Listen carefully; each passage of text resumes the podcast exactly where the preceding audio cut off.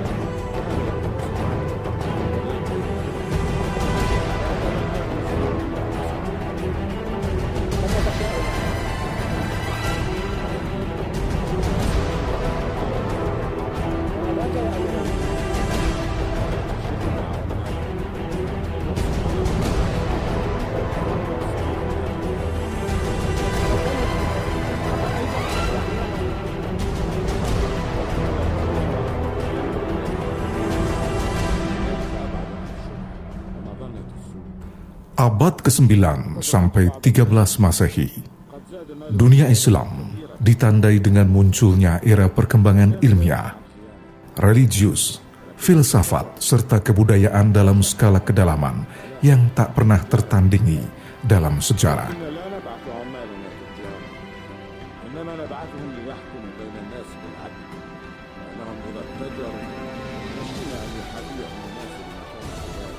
Setelah bangkit dari gurun gersang di Jazirah Arab, kebudayaan Islam sekarang merambah ke banyak negara, agama, dan tradisi intelektual yang menyatu dalam spirit Islam.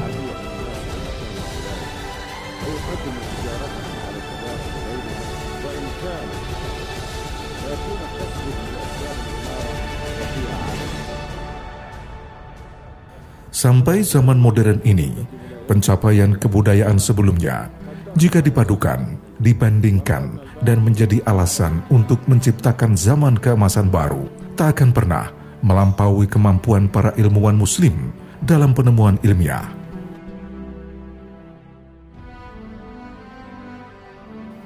Tak ada tempat lain di dunia ini yang mampu memadukan begitu beragam manusia yang dilengkapi dengan intelijensia tinggi, namun tetap bersandar pada keesaan dan kebesaran Allah Subhanahu wa Ta'ala. Hasilnya, sebuah era yang tak hanya berperan sebagai jembatan antara pengetahuan kuno dan renaissance Eropa, tapi juga fondasi bagi dunia ilmiah modern.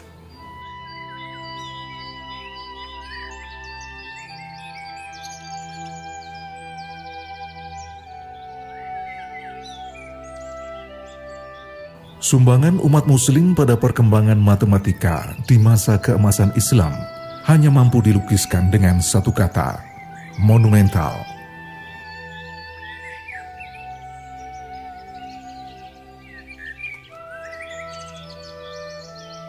Matematika menjadi dasar bagi hampir semua ilmu pengetahuan, termasuk fisika, kimia, biologi, astronomi, dan geografi.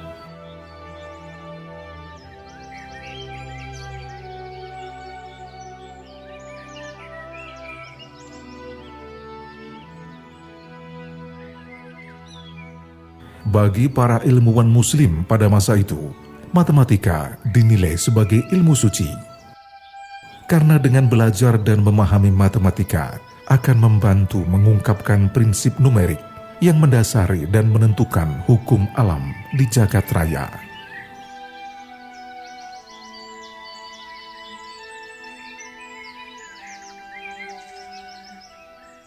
Hari ini siapa pun yang mengambil kelas fisika dasar akan memaklumi rumus matematika yang menentukan gerakan objek dalam ruang. Pada masa keemasan Islam, rumus dalam matematika masih menjadi misteri. Melalui teori dan eksperimen, para ilmuwan muslim akhirnya menemukan algoritma yang sangat ajaib. Pemahaman itu menuntun pada sikap menghargai dan mencintai kekuasaan Allah Subhanahu wa taala serta hubungan dengan ciptaannya. Sehingga belajar matematika merupakan perjalanan religius.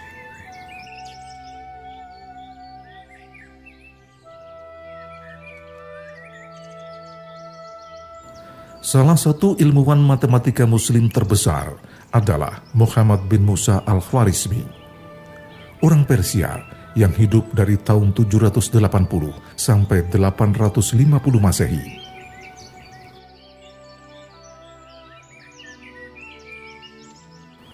Ia salah satu sosok pertama yang bekerja di Baitul Hikmah dan meletakkan landasan bagi perkembangan masa depan matematika. Salah satu kontribusi terbesarnya adalah penggunaan sistem angka India dan penyebaran informasinya. Sebelumnya digunakan sistem angka Romawi dengan berbagai keterbatasan. Padahal permasalahan matematika sangat kompleks yang melibatkan angka nol bilangan bulat dan tidak mungkin menggunakan sistem angka Romawi. Dengan sistem angka India seperti angka 1, 2, 3, 4, dan deretan angka selanjutnya. Angka besar dan negatif bisa dibahasakan sehingga memudahkan perhitungan yang kompleks. Al-Khwarizmi tak hanya meminjam sistem angka India kuno, tapi juga menambahkan satu mata rantai yang hilang, yakni angka nol.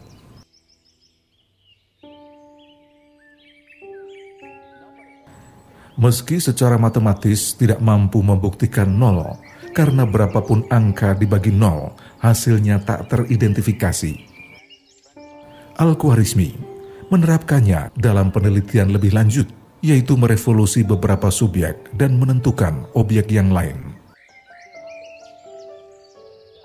Menurut Jay Bonar dalam bukunya Islamic Geometric Patterns, their historical development and traditional methods of contraction. Sumbangan Al-Khwarizmi berkaitan dengan perkembangan aljabar.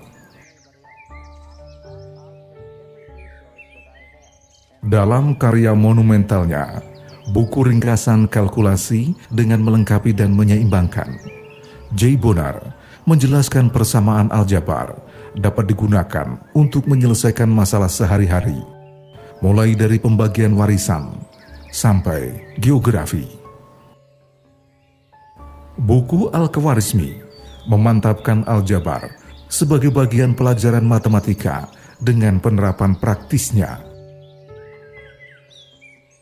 Bahkan kata aljabar itu sendiri diambil dari judul bukunya Aljabar yang berarti melengkapi, mengacu pada menyamakan kedua sisi persamaan aljabar untuk mendapatkan solusi.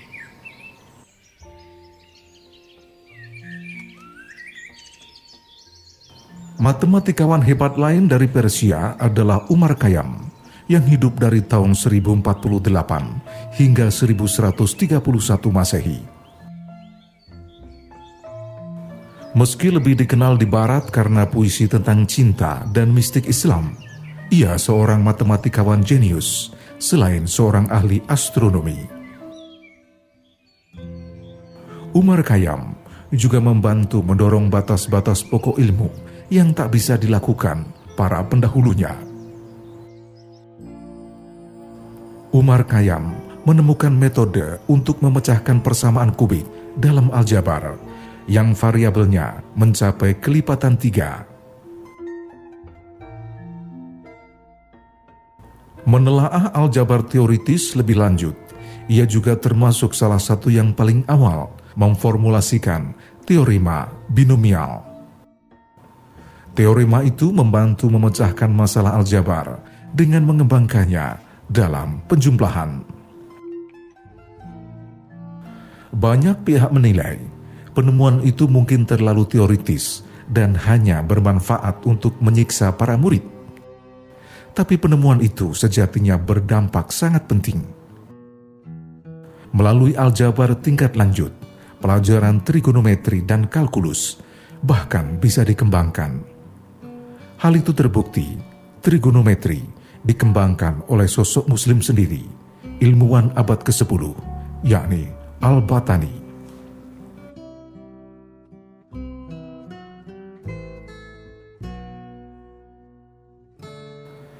Melalui fungsi trigonometri dan pemahaman dasar tentang bintang, seseorang mampu menghitung dengan tepat posisinya di bumi. Hal itu sangat penting bagi masyarakat Muslim yang harus melaksanakan ibadah sholat menghadap ke Ka'bah di kota Mekah.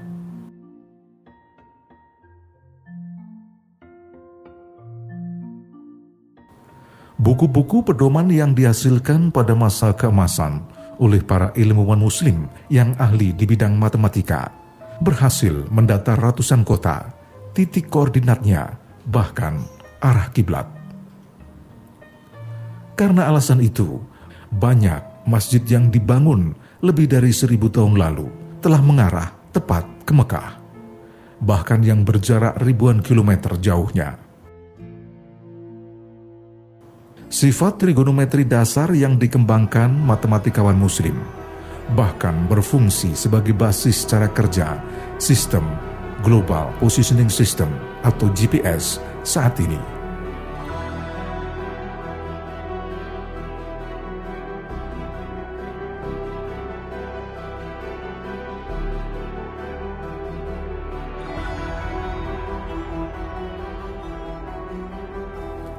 Ilmu matematika modern berhutang budi pada para ilmuwan muslim. Bahkan Islam merupakan peradaban yang mampu mengasimilasikan ilmu-ilmu yang telah ditemukan pada zaman kuno. Selain itu, para ilmuwan muslim yang mampu memecahkan masalah-masalah akademik yang terjadi pada masa lalu, khususnya di bidang matematika. Tak hanya itu, sumbangan Islam pada kemajuan ilmu pengetahuan juga sangat luas, seperti pada alat kimia, fisika, kedokteran, politik, astronomi, geografi, botani, dan sebagainya. Sehingga dunia barat mampu bangkit dari keterpurukan dan setelah mengalami masa kelam yang telah mereka alami selama berabad-abad. Sayangnya sejak ratusan tahun lalu terjadi sikap yang tidak objektif terhadap Islam dunia barat mengklaim faktor yang menyebabkan kebangkitan keilmuan barat di Eropa atau Renaissance hanya sumbangsih dari peradaban Yunani dan Romawi kuno. Mereka mendekonstruksi sejarah dengan menghilangkan kisah kejayaan Islam, kearifan, dan ilmu pengetahuan yang sangat tinggi, serta menghilangkan sejarah tentang abad kegelapan yang mereka alami. Hal itu ternyata juga didukung oleh sebagian umat Islam yang menjustifikasi kemajuan ilmu pengetahuan hanya terjadi di Barat tanpa campur tangan ilmuwan Muslim. Era keemasan Islam hanya mitos, dan kisah para ilmuwan Muslim hanya kisah masa lalu yang dibuat oleh kaum Muslimin untuk mengenang kejayaan agamanya.